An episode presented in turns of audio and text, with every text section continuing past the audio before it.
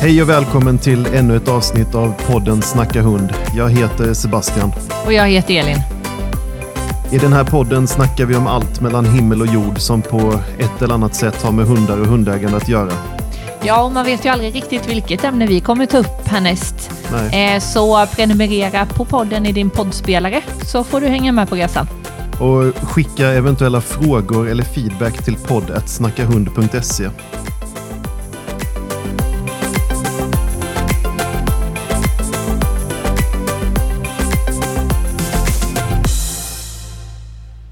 Yes, då kör vi igång dagens avsnitt. Ja, och idag tänkte vi prata om eh, hundutställningar.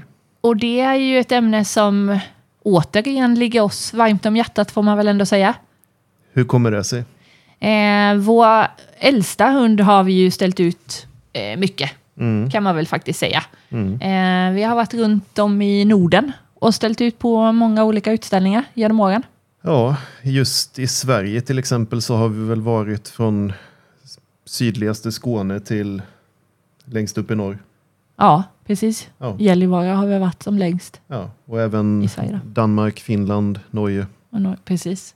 Eh, dessutom så har jag varit eh, auktoriserad ringsekreterare Mm. och också jobbat då på eh, många svenska eh, hundutställningar. Ja, du har väl till och med varit domare på någon inofficiell utställning? Det har jag faktiskt varit. Ja. Hur var det då? Eh, Spännande och ansvar, även om det var liksom en kul skojtävling Mm. för just den eh, rasen, lite Mm. mindre. Eh, så, så, nej men det var både kul. Mm. Eh, Men eh, du som lyssnar undrar väl kanske då vad en hundutställning är för någonting och det är ett ganska stort ämne. Det finns ju flera olika typer av hundutställningar till att börja med. Det Mm. finns eh, till att börja med gör man ju skillnad på inofficiella och officiella utställningar. En eh, inofficiell eh, stambok förs inte, vilket betyder att den inte registreras i SKKs hunddata. Och för er som inte vet så SKK, Svenska Kennelklubben, har ju eh, en tjänst som heter Hunddata. Där kan man ju söka fram varje hund och där kan man ju också få stamtavla och vissa hälsoresultat och eh, resultat på, på olika tävlingar. Behöver inte bara vara utställning utan även viltspår och jaktprov och sådär. Ja. Eh, och eh, de, de som dömer inofficiella hundutställningar behöver inte heller vara auktoriserade domare. Det är ju du ett bra exempel på. Exakt. Eh, utan vem som helst kan döma, men oftast brukar det ju ändå vara domare som även dömer officiella utställningar. Eller åtminstone en person som har bra koll på rasen. Precis. Det är ju inte jätteovanligt att det är till exempel en uppfödare Mm. eh, eller någon som, som har koll på hund såklart. Mm. Men eh, som eh, hundutställare så behöver man inte ha lika bra koll utan man kan fråga och få guidning och få mycket hjälp när man är nybörjare. Ja, eh, för jag tänker att inga, ah, alla har vi ju varit nybörjare. Mm. Eh, så att, och en hundutställning, där händer ganska mycket saker. Mm. Ehm, så att man, man behöver fråga, tänker jag. Mm. Eh, och det är ju det som in, en inofficiell eh, utställning är väldigt bra på. Mm. Eh, just att det finns lite mer tid. Eh, det- domaren tar ofta lite längre tid på sig att bedöma Mm. eh, hunden. Och så. Det är inte riktigt samma liksom spänning i luften och seriositet. Nej, absolut. Eh, Så därför passar det ju bra att till exempel träna en valp eller unghund eller få igång någon lite äldre veteran eller ja, om man själv som hundutställare inte är så van. Precis. Eller behöver som sagt, som du säger, någon liten uppfräschning Mm. efter att ha varit borta eller man ska ut på någon stor utställning. Mm. Eh, och sen finns det även då skillnader mellan de olika officiella utställningarna. Till exempel finns det nationella hundutställningar där man då till skillnad från inofficiella tävlar om set som i förlängningen kan göra att, man blir, att hunden blir utställningschampion. Eh, det finns även nordiska där de förutom set även tävlar om ett nordiskt set. Eh, och internationella, då, utöver setet så tävlar man även om ett internationellt set som kallas SACIB. C-A-C-I-B. Exakt. Och sen finns det också ett fåtal utställningar per år både i Sverige och utomlands som är så kallade titelutställningar. Och där kan man bland annat, eh, hunden kan bli svensk vinnare, svensk juniorvinnare, svensk veteranvinnare etc. Eh, men sen utöver då de här länsklubbsutställningar som de, de, kallas så finns det även ras och specialklubbsutställningar för att de flesta rasklubbar och specialklubbar har egna utställningar som är till för antingen bara den egna rasen eller rasgruppen. Precis. Eh, och utomlands finns det också eh, både inofficiella hundutställningar men framförallt officiella hundutställningar inom eh, FCI eh, som man kan delta i. Och då kan man ju tävla om SAT eh, i andra länder och bli utställningschampion där. Eh, och som jag nämnde förut så finns det även titelutställningar där du, hunden kan till exempel tävla om att bli europeisk vinnare, världsvinnare och så vidare. Precis, och du nämnde ju SASIB också. Mm. Eh, och det är ju som du sa internationellt certifikat eller mm. CERT. Eh, och det behöver ju hunden få i förlängningen kunna bli SIB, alltså internationell utställningschampion. Exakt. Eh, och det behöver man ju fyra stycken från tre olika länder tror jag. Mm. Eh, och av lite olika domare. Mm. Eh, men under en hundutställning, vad, vad bedömer man egentligen då? Ja, det är en bra fråga. Ja, och det kortfattat kan man väl säga att det är hur väl eh, hunden motsvarar rasstandarden. Mm. Alla hundar har ju en rasstandard som går att läsa om, om man inte vet den utan till höll jag på att säga, för sin egen ras. Som eh, beskriver då hur hunden bör se ut? Och...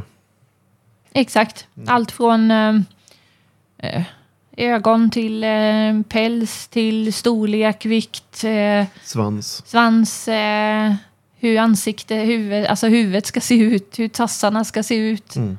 Eh, och allt möjligt. Eh, hunden ska ju helt enkelt vara så rastypisk som möjligt. Exakt. Eh, och på en hundutställning så finns det ju, om vi tittar på en officiell hundutställning ska vi säga, mm. så finns det olika klasser eh, som hunden då kan gå i beroende på, på lite ålder och så. Vilka är de då? Eh, det är ju då eh, valpklass. Eh, och det är 69 månader. Mm. Eh, denna eh, finns ju då på en officiell hundutställning. Mm. Men själva klassen är ändå inofficiell utifrån att det handlar om valpar. Så det är lite som en inofficiell hundutställning för valpar som är inbakad i den officiella utställningen? Precis. Det låter kanske lite eh, luddigt. Kaka, kaka på kaka. Kaka på kaka, ja. men det är, det är ändå... Eh, säg att man har tränat sin valp kanske på en del inofficiella utställningar och tycker att hunden eh, är är så pass mogen att den kan vara ute på en kanske en större, mm. eh, större utställningsplats med fler hundar och sådär. Eller närma sig eh, den här nio månadersgränsen då den kan börja gå i de officiella klasserna. Eller om man har två hundar i olika åldrar och man vill ställa ut valpen. Precis. Men som sagt, det, det som är viktigt är att är en inofficiell, då, så den syns ju inte på hunddata. Mm. Eh, men de brukar ändå ha eh, bästa valp och BIS, alltså Best in Show-valp och sådär. Och sen finns det ju då juniorklass. Mm. Eh, och det är för hundar som är 9 till 18 månader. Mm. Eh, det är ju då officiellt. Hur skiljer den sig från andra klasser tänker jag? Det är ju att eh, hundar som går juniorklass kan inte få SASIB mm. på de internationella utställningarna. Men de kan få CERT? De kan få CERT, ja. Mm. Eh, så sarten kan de ju samla, men de kan ju inte bli utställningschampion förrän de är två. Nej. Så, så ett cert måste ju tas efter tvåårsdagen. Exakt. Eh, sen efter juniorklass, då finns det unghundsklass. Mm. Och då är det 15 till 24 månader. Så att mellan 15 och 18 månader så kan man ju gå antingen i juniorklass eller unghundsklass. Ja. Eh, och det går ju på lite, ja som sagt, juniorklassen kan ju inte få SASIB. Hur utvecklad är hunden? Hur mogen är den? Mm. Eh, ja, men man kan i alla fall gå i vilken av de klasserna som helst. Mm. Sen för bru vissa bruks och jakthundar så finns det då bruks och jaktklass. Mm. Och det är ju då 15 månader uppåt. Eh, och där finns det ju lite specialregler. Eh, till exempel så krävs det ibland eh, bara CK för att sen bli utställningschampion och de här bitarna. Mm. Eh, jag tänker inte att vi går in mer på det, för det blir jag nog bara förvirrad tror jag. Mm. Eh, sen finns det då öppen klass. Och det är en klass för de hundar som är 15 månader och äldre. Mm. Eh, sen finns det championklass. Och hur kan man eh, kvalificera sig för den? Det är ju om man är champion då, antingen svensk eller utländsk. Mm. Eh, så det är ju de som är två år och äldre då. Mm. Eh, och sen efter det så finns det veteranklass. Och det är åtta år uppåt. Mm. Och det som skiljer sig i veteranklass det är ju också att man inte kan få SASIB. Eh, och man brukar också tävla om bästa veteran.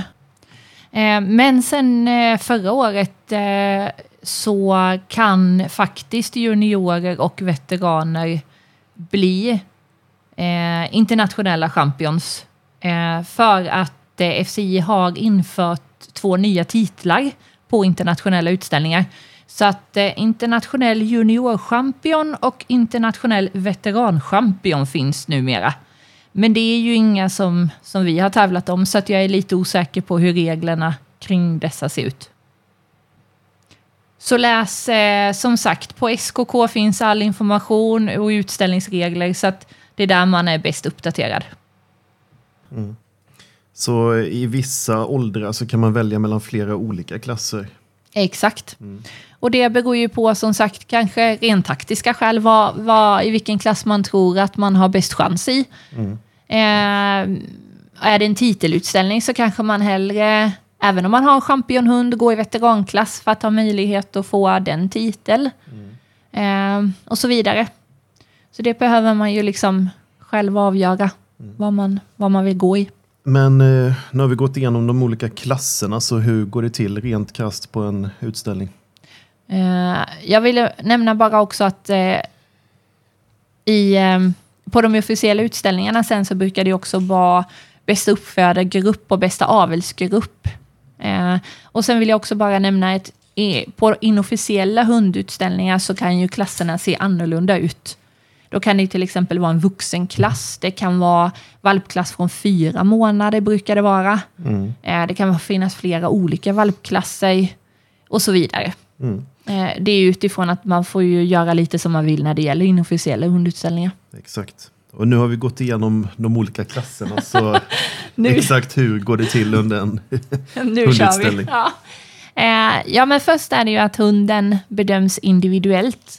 Eh, och då får den ju en kvalitetsbedömning. Eh, det vill säga att man kallas in i, i ringen. ehm, ibland tillsammans med de andra i, eh, i, eh, i klassen. Eh, som ibland får gå ut eller ställa sig vid kanten. Eh, domaren går ju igenom hunden. Jag kommer ställa vissa frågor om hur gammal den är och, och lite sådana här bitar. Titta på tänderna, Exakt. Känna igenom. Ja, precis. På hana, känna testiklarna, Mm. eh, titta igenom pälsen eh, och så vidare. Så att hunden behöver ju klaga av att det finns en annan okänd person som, som ska ta på hunden helt enkelt. Vi hade ju en eh, utländsk domare som hade en lite speciell strategi där han kastade en penna framför hunden. Ja, just det. Ja, det kommer jag För, ihåg. för att se hur hunden reagerar. Ja, det... Men ja. det, det, ja, alla, Ja. alla domare har väl sina egna strategier, tänker jag. Ja, ja men så är det. Och vissa domare eh, ber eh, den som, som eh, visar hunden då handlen eh, och visa tänderna, medan andra gör det själv. Eh, sen vi, beroende på storlek på hunden så visas ju vissa på bord, de mindre raserna då, så att domaren får en bättre möjlighet att slippa få ryggproblem i dagens slut. Men, men som sagt, den får en kvalitetsbedömning. Eh, så, så då man pratar med hunden och känner igen, eller inte pratar med hunden, det vore ju konstigt. Ja, Men pratar med handlen, eh, känner igenom hunden och sen så får den också röra sig. Eh, för domaren kommer ju också titta på hundens rörelse. och det är väl lite speciellare att man springer någon speciell ja, de, dels åt något speciellt håll i ringen och även i någon triangel eller hur Precis, det är, man brukar säga vänstervarv för Mm. man springer vänster. Mm. Eh, och sen så kan den ju, oftast brukar det vara fram och tillbaka. Mm. Eh, och även ibland i en triangel. Mm. Eh, för att se det från, från bakifrån och framifrån och även från sidan då. Mm. Eh, men det säger ju domaren eller, eller pekar liksom. Så när det, så då man har gjort det så, eh, så ger den en, ett kvalitetspris. Mm. Eh, och det är ju då exteriören, utifrån exteriören och mentaliteten. Eh, för man ska absolut inte glömma mentaliteten heller. Nej. En hund som är jättefin men som kanske inte vågar låta domaren röra på den kommer inte få en, en hög, ett högt pris. Utan den kan till exempel få cannot be judged. Ja, och det är ju helt enkelt att domaren kan liksom inte känna igenom om den har båda testiklarna nere eller titta på tänderna eller, eller de här bitarna. Och om hunden inte motsvarar rasstandarden överhuvudtaget så kan den få... Eh, disqualified, till Disqualified. exempel. Mm. Eh, det kan ju också vara att eh, hunden eh, har en hälta Mm. som gör att inte domaren kan se rörelserna. Mm. Eh, och då kan den ju få disqualified. Mm. Men då som sagt utifrån rasstandarden eh, så tittar domaren på exteriören och mentaliteten Mm. och får en bedömning. Mm. Och då kan den få excellent som är det högsta priset, höll jag på att säga högsta. Sen är det ju sluttande skala, very good, good, sufficient. Och då är det sufficient betyder ju att den är tillräcklig men inte mycket mer. Och eh, utöver de här kvalitetspriserna så kan man ju även få då disqualified eller cannot be judged, som vi Exakt. just nämnde. Exakt. Så, så först som sagt tittar ju domaren på, på hunden individuellt. Eh, och sen så tittar ju då domaren på, eh, på alla hundar. När alla har blivit, eh, fått sitt liksom enskilda pris så tittar domaren på hela klassen. Mm. Eh, och då är det de hundar som har fått excellent, om det är fyra stycken, minst fyra stycken, Mm. eh, som får gå in och, och liksom avgöra placeringen i den klassen. Så att först är det kvalitetsbedömningen och då är det ju eh, juniorklass kan man säga till exempel. Så att det är de fyra som sagt som, som ska avgöras. Eh, är det mindre än fyra hundar som har fått excellens så tar man även in very good, de som har fått very good. Mm. Och det är för att de kunna placera dem då. Mm. Eh, och då som sagt, då, då tittar domaren på vem som han tycker, han, hon eller han. Han, han eller hon eller hen. Hen. Eller, ja, precis. Sorry. Eh, vem som ska bli då etta och vinna klassen och vem som ska bli tvåa, trea, fyra och sen eventuellt då de oplacerade. Mm. Eh, och det gör ju domaren då och ställer dem i den ordningen. Eh, och sen då kan ju domaren också avgöra om de, den eller de hundar med excellent, om de ska få CK, vilket står för certifikatkvalitet. Mm. Eh, och certifikatkvalitet eh, är, innebär ju liksom... Eh, Det är en förutsättning för att man ska kunna få ett certifikat. ja, ett precis. cert. Och gå vidare till, till liksom, eh, bästa han eller tikklass då. Mm. Eh, på inofficiella hundutställningar så, så kan man väl säga att man använder HP som står för hederspris. Mm. Lite slarvigt, nästan lite som ett CK. Ja, det... Ehm, att den går vidare till någon slags bäst i ras. Ja. Ja. Eh, Men som sagt, nu pratar vi om officiella hundutställningar. Mm. Så att de, det, är bara hundar med excellens som kan få CK. Så det kan ju vara till exempel att det är en klass som har två hundar och båda får very good. Då tar ändå domaren in dem och placerar dem etta och tvåa. Men de kan inte få CK och liksom deras resa är slut för den här dagen. Eh, men de som får CK, så att säga, eh, får ju sen gå in då i bästa han och tikklass. Och det är alltid hanar som... Först är det alltid valpar som, som eh, Bedöms. bedöms och sen är det hanar och gör klart hela resan där så att säga och sen är det tikar och sen möts hane och tik. Ja. Eh, så att alla de med CK går ju in då för att tävla om bästa hane eh, respektive bästa tik sen då. Eh, och där gör sam domaren samma sak. Bedömer vem som ska bli etta, tvåa, trea, fyra. Och då kan det ju vara att det är en junior som blir etta, en champion tvåa öppen klass Veteran. 3 och 4 också en öppen klassare till exempel. Ehm, och då beror det ju liksom vem, vem, vilken ordning det blir som beror på vad, vad hunden får. Eh, är det en nationell tävling till exempel och, och ettan är champion, svensk utställningschampion, då eftersom det är en, en nationell så finns det inte SASIB och den är redan så att säga fullsattad. Eh, eftersom den är en champion. Så då får den liksom inget mer utan mer att den får gå vidare och tävla. Eh, är det en internationell tävling och säg ettan är en öppenklassare då får den ju både SAT och SASIB. Eh, så att man kan ju bli oplacerad med ett certifikat eller ett reservcertifikat.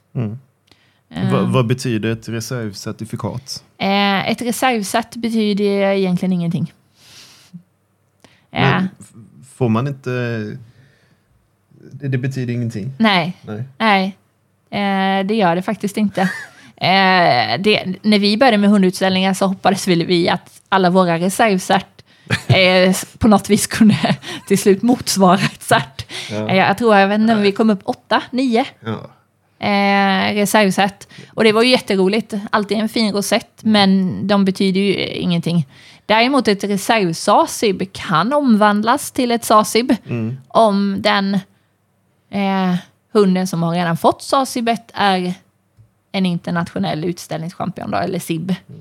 Det är lite märkligt ändå att det är olika för reservset och reservsasib. eller? Ja. Mm, och, och, och det kan vi väl säga också att eh, SKK har ju en hel folder om utställningsregler och den rekommenderar jag att läsa igenom. För Ja. där står allt från jag tänker det är karens efter vissa mediciner till att eh, om man kommer för sent till återbetalning, om man inte kan delta på utställning till olika klasser och priser. Har, man inte, har man ställt ut hund tidigare men inte varit inne i ringen på ett tag så kan det också vara en bra idé att fräscha upp genom att läsa för att de uppdateras ju ibland. Absolut. Det, Eh, och som när vi slutade, som är några år sedan nu, då, då var det ju precis att de här nordiska sätten hade börjat. mm, Eh, och nu vet jag, jag slutade ju också som ringsekreterare ungefär i samma veva, eller strax innan. Eh, och nu har de ju också fått de här junior och veteranchampionaten. mm. Eh, så att det händer saker, så att man bör vara uppdaterad och läsa igenom de här utställningsreglerna. Och det är väl därför som de har, tänker jag, sådana här brush-up-kurser för ringsekreterare och säkert domare också, även som utställare så kan man ju behöva friska upp sitt minne. Absolut, helt rätt. Eh, men nu ska vi se, vi pratar om SASIB och CERT. Eh, och, och som vi sa så är det ju hanarna som går först och sen gör man likadant för tikar och så är det alltid och har alltid varit vad jag vet. Eh, så att till slut så är det ju då en hane Mm. Som är bäst av hanarna och en tik som är bäst av tikarna. Och de då möts. Eh, den av dem som vinner eh, där Mm. eh, blir ju då bir, Som Bä- betyder bäst i ras. Mm. Och den, jag vill inte kalla det förlorare för att du kan ju ha vunnit över liksom Vi kan kalla det för den andra vinnaren. den andra vinnaren. Precis, blir ju då BIM, bäst i motsatt kön. Ja. Och den rosetten är ju grönvit. Mm. Och den andra är gulröd. Mm. Eh, och den som då blir bir, alltså bäst i ras, då är, den, ju- då är ju den som, hund som domaren har ansett är bäst av alla hundar eh, som, som har funnits eh, med i, på utställningen idag. Då. Eh, och den som som sagt blir bir går ju vidare till en gruppfinal. Mm. Och där så möts ju då eh, alla, alla vinnande birhundar i den gruppen.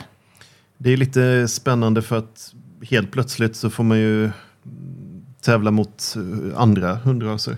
Absolut. Så jag tänker om eh, Eurasier som är i grupp 5 då, då tävlar ju alla de som har blivit bir i grupp 5 tävlar ju mot varandra.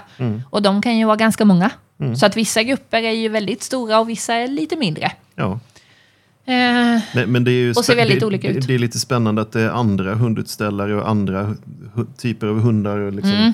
och, och gruppfinalerna är ju alltid lite specifika. De är ju oftast i en liksom, större ring, senare på eftermiddagen, lite mer Det- show. det kan ju bli en del väntan ibland på de här finalerna. Det kan det verkligen bli. Ja, eftersom de måste köra klart alla, alla enskilda raser först innan de kan ha gruppfinalen. Ja, och på många stora utställningar så pratar vi ju liksom om Timmar. 20, 30, 40 ringar. Mm. Det, det, det, det, kan ju och ta, tusentals hundar det liksom. kan ju ta flera timmar från att man själv är färdig med sin ras tills finalen börjar. Mm. Och då... Ja, man, Och, och det vet jag ju också, vissa eh, tycker ju absolut att eh, har du blivit bil så ska du stanna oavsett vad. Mm. Medan vissa eh, Struntar i tänk, struntar i det. Mm. Eh, ja, jag lägger inte någon eh, värdering i det. värdering i det, utan det, det får man ju avgöra själv. Men skulle man gå till gruppfinal så kan det vara bra att man har någon strategi för hur man ska liksom... Att hunden ska få vila lite och dricka lite vatten, äta. äta lite Ja. och så vidare. För att annars kan ju hunden vara jättetrött när det är dags. Exakt.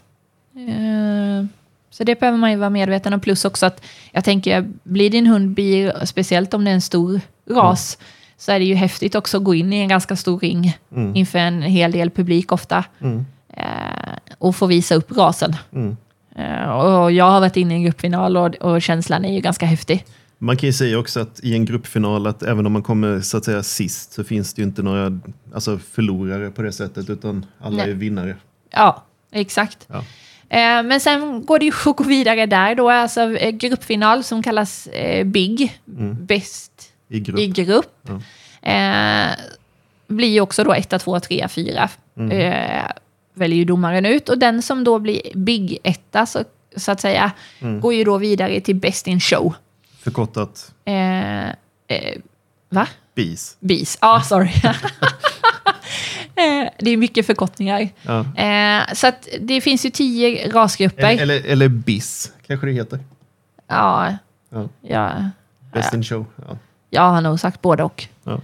Eh, och, och det är som sagt, det finns tio rasgrupper. Mm. Eh, så att det kommer ju finnas då tio hundar i, i den här Best in Show.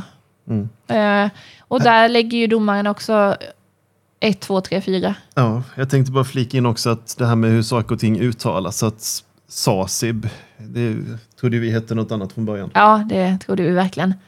Den Nej. den. Kakib. Ja, ja men det, jag ska säga det, det är inte så himla enkelt. Nej. Så, så, som nybörjare kan man inte kunna allt. Liksom. Nej, verkligen inte. Eh, men som sagt, eh, Best in Show så är det ju 1, 2, 3, 4 där också. Och den som vinner Blir blir ju då Best in Show. Best in Show, helt enkelt. Och det är Bissetta. Bissetta och um, det är ju en, en väldigt stor ära, höll jag på att säga. Ja. Eh, och det är oftast eh, fina priser och pokaler och rosetter och allt möjligt. Det, det är på något sätt det som är det ultimata målet med en enskild utställning. Att, Mm. man, att man blir nummer ett i Best in Show. Och eh, nu vågar jag inte svära på det, men SKK har ju alltid varje år haft en sån här lista där man kan följa ehm, över de liksom mest vinstrikaste hundarna inom utställning då. Det är mycket prestige. Eh, ja, så att liksom då får den poängs... Alltså den får ju poäng utifrån då Mm. eh, om den blir placerad i grupp och final. Exakt. Eller alltså best in show. Ehm, och sen så kan den ju då vinna och bli liksom Mm. topp, alltså bäst i Sverige. Ja. Eller mest vinstrikast eller vad man ska säga. Men sen eh, kan man ju fråga sig då hur domarna liksom utbildas och väljs ut. Och svenska exteriördomare utbildas inom Svenska Kennelklubben, då, SKK. Och eh, det är inte vem som helst som kan bli domare utan det krävs en hel del. Eh, bland annat så måste de först vara auktoriserade ringsekreterare och ha godkänt praktiskt inträdesprov. Eh, och domaren måste även ha mångårig uppfödarerfarenhet eller motsvarande och i slutändan gå en preparandkurs med max 15, cirka 15 deltagare. Så att eh, det är ju inte alla som kan deltas eller antas. Nej, precis. Och sen kursen måste du ju också klara då och få godkänt. Mm. Eh, och jag tänker att det ställer höga krav på, på att du kan hund. Mm. Ehm, för att, och, och givetvis ett intresse, Ja. såklart. Så att eh, man kan ju säga att de har ju sållat agnarna från vetet när man i slutändan då får fram en färdig exteriördomare. Mm, precis. Eh, och när det kommer till ringsekreterarna så har vi väl nämnt att man ska ha, nej, det har vi inte nämnt, men eh, det ska vara två stycken som jobbar tillsammans med domaren och eh, Även ringsekreterarna går en kurs hos SKK där man måste få ett godkänt teoriprov. Man måste göra elev och aspiranttjänstgöringar och få godkänt på dem. Eh, och först därefter så kan man bli auktoriserad hos SKK. Och det jag ska bara säga också att det är bara då auktoriserade som kan jobba på de här officiella hundutställningarna. Mm. På inofficiella kanske det är lite vem som helst. Det kan det vara, Ja. precis som domaren. Eh, och vad ringsekreterarna har till jobb då, det är ju just att vara en slags assistent till domaren så att det finns två stycken ringsekreterare per ring. En som är skrivande och en som är inkallande. Det kanske du har koll på vad skillnaden är? Ja, det har jag. Och jag ska också säga att det finns två. Det ska finnas två, sen finns det särskilda skäl. Mm. Ibland, eh, eller man kan begära dispens hos SKK då. Eh, om det säger att det är väldigt få hundar eller om det är någon specialutställning. Att man är en istället. Då. Att man är en och gör båda Mm. delarna. Men som sagt, det är dispens och så. Det behöver vi inte heller riktigt gå in på. Men generellt sett så är generellt två. sett är man ju två. Mm. Och en skrivande säger väl nästan sig själv, höll jag på att säga, att den skriver eh, kritikerna. Mm. Eh, för att eh, numera så har de ju allt mer börjat skriva datorer så att det är eh, digital kritik. Men någon behöver ju skriva det. Och i vanliga fall, i vanliga fall, men, men generellt så får man ju det på papper Mm. eh, efter, efter din bedömning och, och klassen är, är slutförd. Och eh, ringsekreteraren kan ju inte sitta och höfta kritiken utan det måste ju vara ordagrant vad domaren säger. Exakt. Eh, och, och det har ju du som hundutställare också möjlighet att fråga ringsekreteraren när det passar. Mm. Helst inte mitt i. Ehm, men eftergått att om det är något ord som du inte ser vad det står eller som du har någon fundering kring. Mm. Ehm, För det är ju allt annat än enkelt att läsa kritikerna varje gång, vad det står för någonting. Ja. Det, det, det, händer, det händer ju ibland är det som egyptiska. Ja, jag menar, och det, det, ska vara, det ska vara läsbart. Mm. Eh, men som sagt, det, det är domare från många olika länder och de Mm. ska eh, säga i den takten som, som en ringsekreterare kan skriva. Och även om man kan läsa kritiken så kan det vara ord som man inte förstår och då kan man ju antingen fråga erfarna hundutställare eller sin uppfödare eller liknande. Precis, Kanske någon funktionär. absolut. Se om de kan hjälpa till att tolka. Ja, och som sagt i kritiken så, så, stö, så står det ju då vad, vad domaren kortfattat tycker om din hund. Mm. Det kan ju vara till exempel eh, eh, korrekt bett, Ja, eh, rör sig med drive, ja. ehm, trevlig mentalitet Mm, eh, och allt möjligt. Både liksom positiva och, och, och mindre bra mm, saker. Då, för, Och sen fyller ringsekreteraren i vad du får för både då kvalitetsbedömning, individuellt pris, men också vad du hamnar i i klassen. mm. Eh, och eventuella eh, cert och eh, de här bitarna. Och som vi nämnde så är det ju två olika typer av ringsekreterare så det finns även en inkallande. Yes. Och det är den eh, ringsekreteraren som, som rör sig i ringen och kring ringen. Eh, den personen ser ju till att de hundar som, som ska vara där är där i rätt ordning. Mm. Kallar in dem, eh, ropar att nu förbereder sig kanske nästa klass till exempel. Och Mm. eh, vilka nummer det är inne i ringen och vem, vilket kvalitetspris Mm. hunden fick eh, genom att hålla upp lappar. Oftast eh, färgkodade lappar. Eh, Och du har väl jobbat som både skrivande och inkallande? Ja, det har jag. Vil- Vilket tycker du var roligast? Ja, det är både och. Eh, men eh, inkallande är ju ganska roligt för man får också röra på sig lite. Eh, O- Om man är introvert kanske det är roligare att vara skrivande. ja, precis. Och skriver man fort så är ju det Ja. perfekt. Ja. Eh, men som sagt, det bästa är väl att göra båda, både och. Eh, sen finns det ju de också återigen som domare kommer ju från alla möjliga länder. Mm. Eh, så att eh, det, kan, går ju det på kan vara också lite vad du, språket. precis vad du har för språkkunskaper eller om du är bekväm med engelska ord och, och sådana här saker. Och ringsekreterare har också möjlighet till olika vanliga hunduttryck eh, uttryck på olika språk och sådär. Men kritiken ska väl vara på antingen svenska eller engelska? Antar jag. Ja. Ja. Eh, det vågar jag nog verkligen påstå. Det är konstigt om man får på ett språk som man absolut Ja, inte... men inte i Sverige. Det ska nog vara svenska Ja, engelska. precis. eller engelska. Utomlands kan det ju... Ja, det där ja. Finns det ju andra system. Mm. Men eh, hur gör man då för att komma igång med hundutställningar och förbereda sig för sin första utstä- utställning? Ja, hur gjorde vi? vi, eh, vi tog ett utställningskoppel och började i en rasthage. Eh, vilket inte gick jättebra. Han, hunden tyckte det var skitkul Mm. och eh, började hoppa efter ben och leka istället. Mm. Eh, nej men om man ska vara lite seriös så, så uppfödaren brukar ju vara en bra hjälp. Mm. Eh, vissa upp, uppfödare anordnar ju själva lite sådana här eh, ja, men, ringträningar eller Mm. eh, träningar. Eh, kommer med tips, kanske är den också som, som visar hunden första gången eller, eller sådär är med som stöd. Mm. Sen är det ju också ringträningar. Mm. Ehm, och det kan ju privatpersoner eller olika eh, hundföreningar. Privat liksom, men eh, Ja. vad är en ringträning? Det är vad det låter som, höll jag på att säga. Man tränar inför utställningsringen. Man man tränar på att ställa upp och visa sin hund och springa i trianglar och Ja, fram och precis. tillbaka och springa vänstervarv. Ja, Ja. och hunden får känna, få, få någon eh, helt okänd person och känna igenom och Mm. eh, vara med andra hundar och hur man ska bete sig, höll jag på att säga. Mm. Ehm, Så det kan vara nyttigt att börja där, om Mm, man känner om- för det. ja, och många länsklubbar anordnar ju också. Mm. Ehm, Och eh, antingen efter det eller så kan man börja direkt med inofficiella hundutställningar. mm, absolut. Och det är som vi har nämnt att de stambokför sig inte, det är lite mer lättsamt och inte lika seriöst som en officiell utställning. Nej, precis. Så därför kan man ju se det mer som träning. Exakt.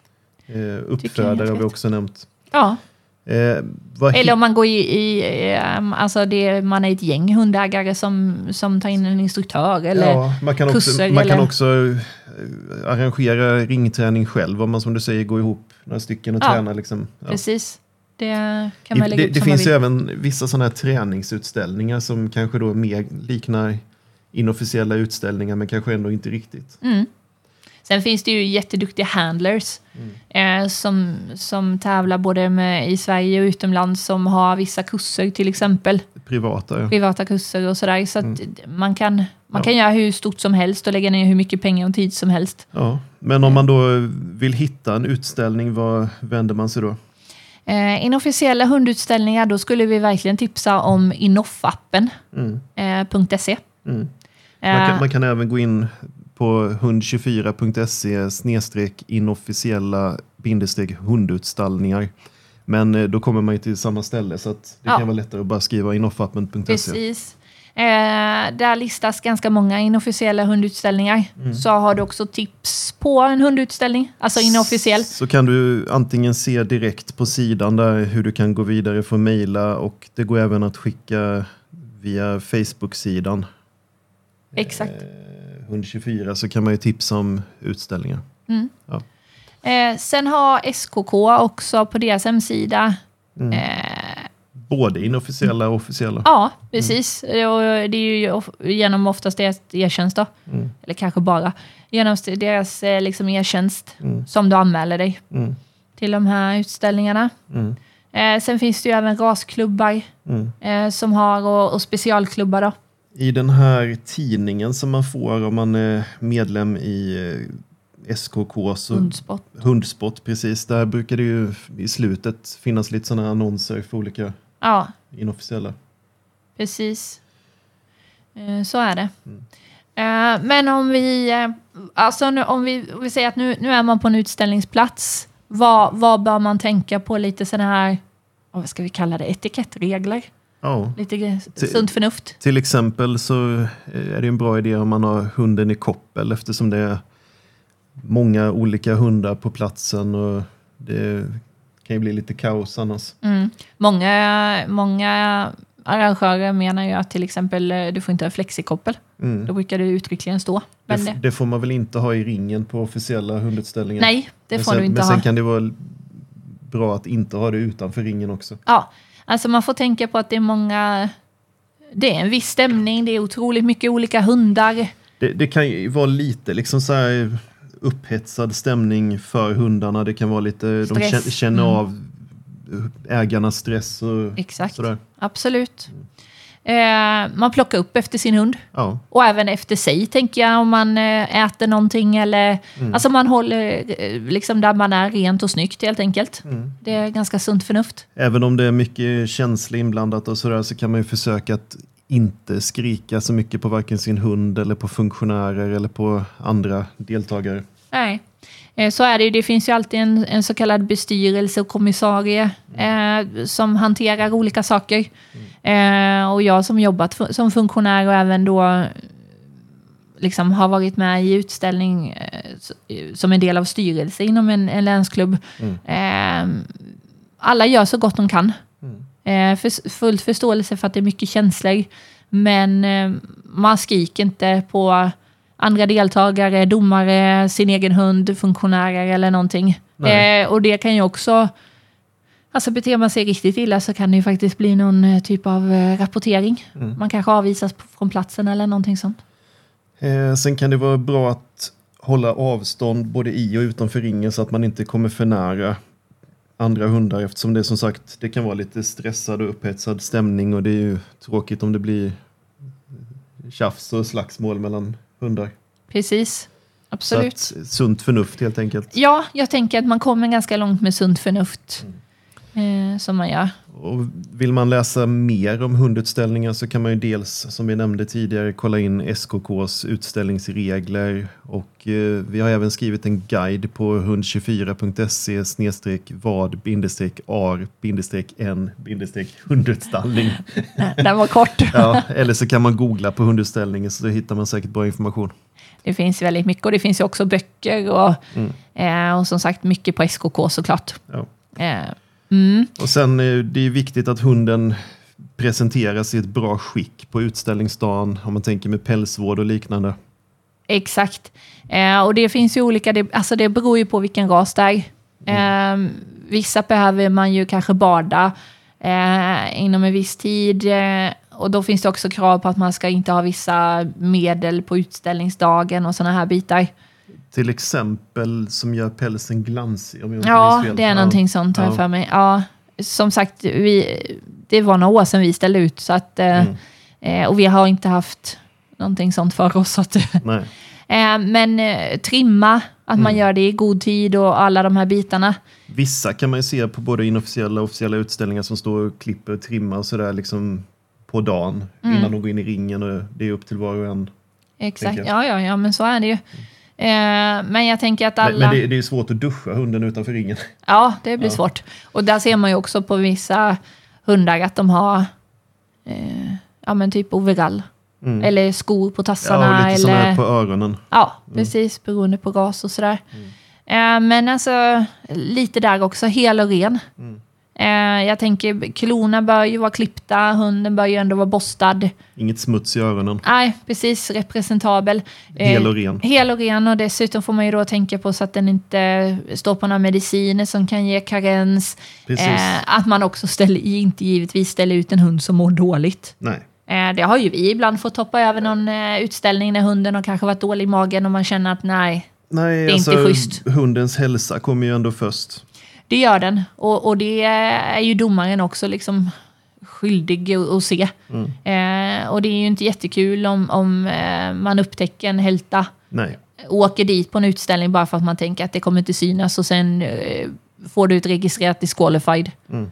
Eh, utifrån det. Ja. det. Det är inte jättekul.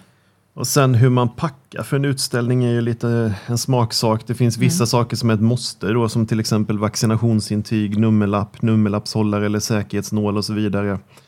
Eh, kan alltid vara bra med godis, vattenskål, något skönt för hunden att ligga på. Kanske att man har något speciellt koppel. Men eh, det finns väl egentligen två olika skolor hur man ska packa, eller vad säger du? Ja, det skulle jag säga. Det eh, jag brukar kalla dem all in. Ja, det, den ena kallar Ja, precis. Eh, Nej, men det är, det är de som kanske har eh, flera hundar med sig på en utställning. Eller en, det spelar inte Eller en, det spelar ingen roll. Men, men det kanske, de kanske har en bur, eh, de kanske har ett sånt där utställningstält, de kanske har en vagn då till alla saker eller har buren, eller burarna på. Eh, trimbord, stolar för att sitta skönt för sig själva. Eh, ja, eh, kommer med ganska mycket material, höll jag på att säga, med utrustning. Nackdelen är ju då just att det är mycket utrustning och att man kanske släpar allting på någon kärra eller vagn eller någonting. Men det har också fördelen att man har sitt eget utrymme och vissa gillar att sitta och titta på när andra ställer ut och fika och gör det till en heldagsutflykt. Precis, man, de, man träffar likasinnande och andra liksom rasfränder och, Mm. Eh, Det, det, det blir en social tillställning. Liksom Mm. Det är också praktiskt om man har, som du sa, flera hundar så att man kan ha burar inne i tältet där hundarna kan ligga och vila. Mm, precis. Och sen, du, sa- du nämnde att det var två olika. Ja, eh, den som vi skulle nog kanske beskriva som avskalad. Mm. Eh, Lätt packning. lätt packning. Eh, och det är typ en ryggsäck med det viktigaste. Mm. Eh, ja, vi kan väl säga att vi hade ganska mycket material. Vi, Kanske vi, inte de allra första gångerna Nej. när vi, vis- när vi inte visste så mycket. Men efter det har vi ju kört båda varianterna. Ja, precis. Då körde vi hela utställningstältet och vi hade en sån här tygbur och det var hur mycket saker som helst. Mm. Eh, Men sen, Men sen mot slutet åren- mer och mer så Ja. började vi gå mot den här avskalade modellen då med en ryggsäck så att man kan vara lite mer mobil och kunna flytta sig runt på området och snabbt och enkelt komma och gå och slippa vara tidig och fixa en tältplats och så vidare. Slippa konka runt på massa saker. ja, för det blir ju tungt och det är inte så kul genom lervälling, genom en åker och sådana saker heller. Men också, tänker jag också, det går ju på, vi, nu hade vi bara en hund eh, som, som, som ställdes ut eh, och som vi de första åren hade bara. Eh, men sen också att han var ju aldrig en sån som, som låg i en bur Nej. eller var inne i ett tält och ville vila, utan han, han var ju med. Ja, han- han ville vara ute liksom och se och höra och Ja. även höras. Ja, precis. Eh, och jag tyckte även när vi gick långt och det blev, liksom, eller det blev av någon annan anledning mycket väntan, så, så gick det bra också. Ja. Vi hittade liksom vår grej att, att det var...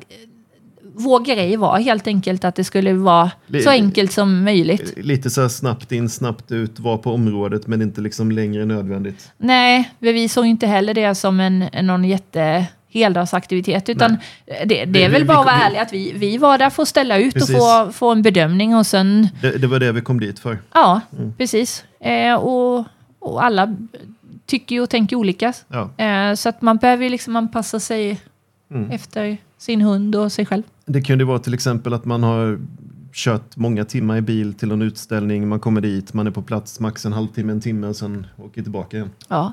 Mm. Ja, det var nästan extremt höll jag på att säga. Eh, Men det funkade för oss. Ja. Så det är jättebra. Och det här med att ställa ut hund då, man tänker hur man går från nybörjare till att vara en erfaren utställare. Vad ska man tänka på då? Öva skulle vi nog säga. Mm. Jag pratar för dig också. Men att man, eh, ja, men att man övar kanske då genom eh, ringträningar, officiella hund, inofficiella hundutställningar. Eh, och jag tänker också som, som vi har ju, som vi har nämnt då, så har vi en hund som är mer social och det är ju han som vi har ställt ut. Eh, och han har väl aldrig haft problem med, med en domare som, som tar på honom, Nej. eller en okänd person. Det är väl snarare ett plus. Ja, men precis. Och har alltid fått just beröm för mentaliteten. Mm. Eh, Medan den andra absolut inte. Nej. Tycker inte alls att det är kul och varför ska en okänd människa...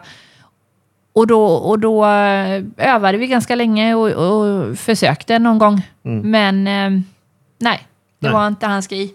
Och då, eh, och då ska man inte heller utsätta... Ja, då ska man inte utsätta det, hunden för det. Men annars, man måste ju våga testa och misslyckas. Mm, absolut. Eh, och också inse att alla domare kommer inte tycka om din hund. Mm. Eh, säg, att du, säg att du är på en tvådagars utställning, då kanske du ena dagen får good och, och huvudet är för stort och svansen är för kort och färgen är fel. Vissa domare tänker fel helt enkelt. ja, exakt. och sen andra dagen så blir du bäst i ras. Ja. Eh, så, att, så, så är det. Det, Ja. det Det, det är ju en som är, man får ta det för vad det är. Att det är väldigt, liksom, det ligger i sakens natur liksom. ja, att eh, domaren är ju bara människa. Ja, och sen är det också dagsformen. Eh, eh, för mig som handler, hur, hur väl får jag liksom fram hundens goda kvaliteter? Mm. Eh, men Eh, också dagsformen på hunden såklart. Och även i konkurrens med andra hundar, att det kan vara någon annan hund som är bättre för dagen. Ja, exakt. Eh, så det är massa sådana saker som spelar in. Men, men eh, ja, vad ska vi säga, det kanske låter klyschigt, men vad som än händer, vilket pris du än får, hur, hur, hur snabbt du har fått gå ut ur ringen, höll jag på att säga, så är det ju samma fantastiska älskade hund som du kom dit med, som du också lämnar med. Och det, det är ju inte hundens fel över att domaren tycker att det var ett för stort huvud till exempel. Nej. Och eh, vi kan ju även nämna det här med SRD. Mm, vad står det för då? det står för rasspecifika domaranvisningar eller ja, jag vet inte vad det står. Ja, Särskilda. det, står, det står ju för det. Ja. Särskil, särskilda rasspecifika domaranvisningar. Att vissa hundraser har sådana. Och det är då för att motverka deras exteriöra överdrifter och för att uppmärksamma domare på de här. Så att eh, till exempel MOPS har ju riskområden då inom andning och ansikte och ögon där domaren ska uppmärksamma de individer som inte ska premieras och lyftas fram på grund av att de har överdrifter eller ja, riskområden där. Mm. Och det är ju för att eh, man ska få sundare hundar helt enkelt. Mm. Eh, för, för hundutställningar är ju som sagt motsvara Mm. rasstandarden. Ja, tanken är väl någonstans att man ska i grund och botten att det är tänkt att man ska lyfta fram de individer som lämpar sig väl för avel. Sen är det väl Ja. inte alltid att det omsätts i praktiken, men i, i teorin. Mm, Ja. Precis. Ehm, ja. eh, har, vi, du- har du lyssnat hittills, jag på att säga, så har du Då, förhoppningsvis... då har du gjort ett bra jobb. Du har gjort ett bra jobb, ja. eh, Nej, men då har du förhoppningsvis fått en hel del information om hundutställningar. Mm. Eh, det finns, som vi alltid säger, jättemycket att tala om. Det är möjligt att vi kanske gör något avsnitt till framöver Mm. och gå in mer på någonting. Kanske att det kommer nya regler eller någonting. Men precis. Eh, men jag tänker att hundutställning tycker jag är ett, ett, eh, en jättekul aktivitet. Mm. Eh, som tyvärr till slut inte längre var så kul för varken mig eller hunden. Och därför slutade vi med Vi, det. vi, vi, hade ju, vi hade ju ställt ut mycket och det fanns ju inte så mycket mer. Man kan alltid titta på liksom nya länder längre bort och så vidare, men någonstans så kände vi väl att det räckte för oss. Ja, och han hade gått upp i veteranklass och sådär. Vi tyckte inte att det var så himla kul längre. Men, eh, Men, men tycker man det är kul, man kan ju också testa och se om man själv och hunden tycker det är roligt eller inte. Annars behöver man inte hålla på med det.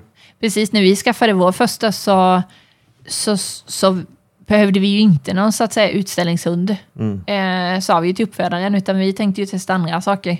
Ja, agility, det gjorde, Ja. det gjorde vi ju dock aldrig. Men, Nej, det vet jag inte riktigt hur vi tänkte där. nej. Eh, men... Eh, så att nej, vi tänkte ju inte ställa ut honom då. nej. Men det Eh, blev så ändå. Men sen så testade vi en gång eh, med då gasklubben. Mm. Och det, gick, Eh, det, det- det, det är ju en historia i sig. Det är en historia i, i sig. Han, eh, han eh, gled ur selen. Vi hade en sele också. Eh, jättemärkligt. Eh, och eh, sprang runt på ett fält och hade skitkul. Två gånger. Ja. Eh, så efter det så tänkte vi att bara, men vi måste ju testa, vi får ju ändå göra lite revansch. Eh, och sen gick det ju bra, det var någon liten in-off. Eh, och sen efter det så tyckte vi väl att det var ganska kul. Ja, vi fick blodad tand och Ja. fortsatte på den vägen.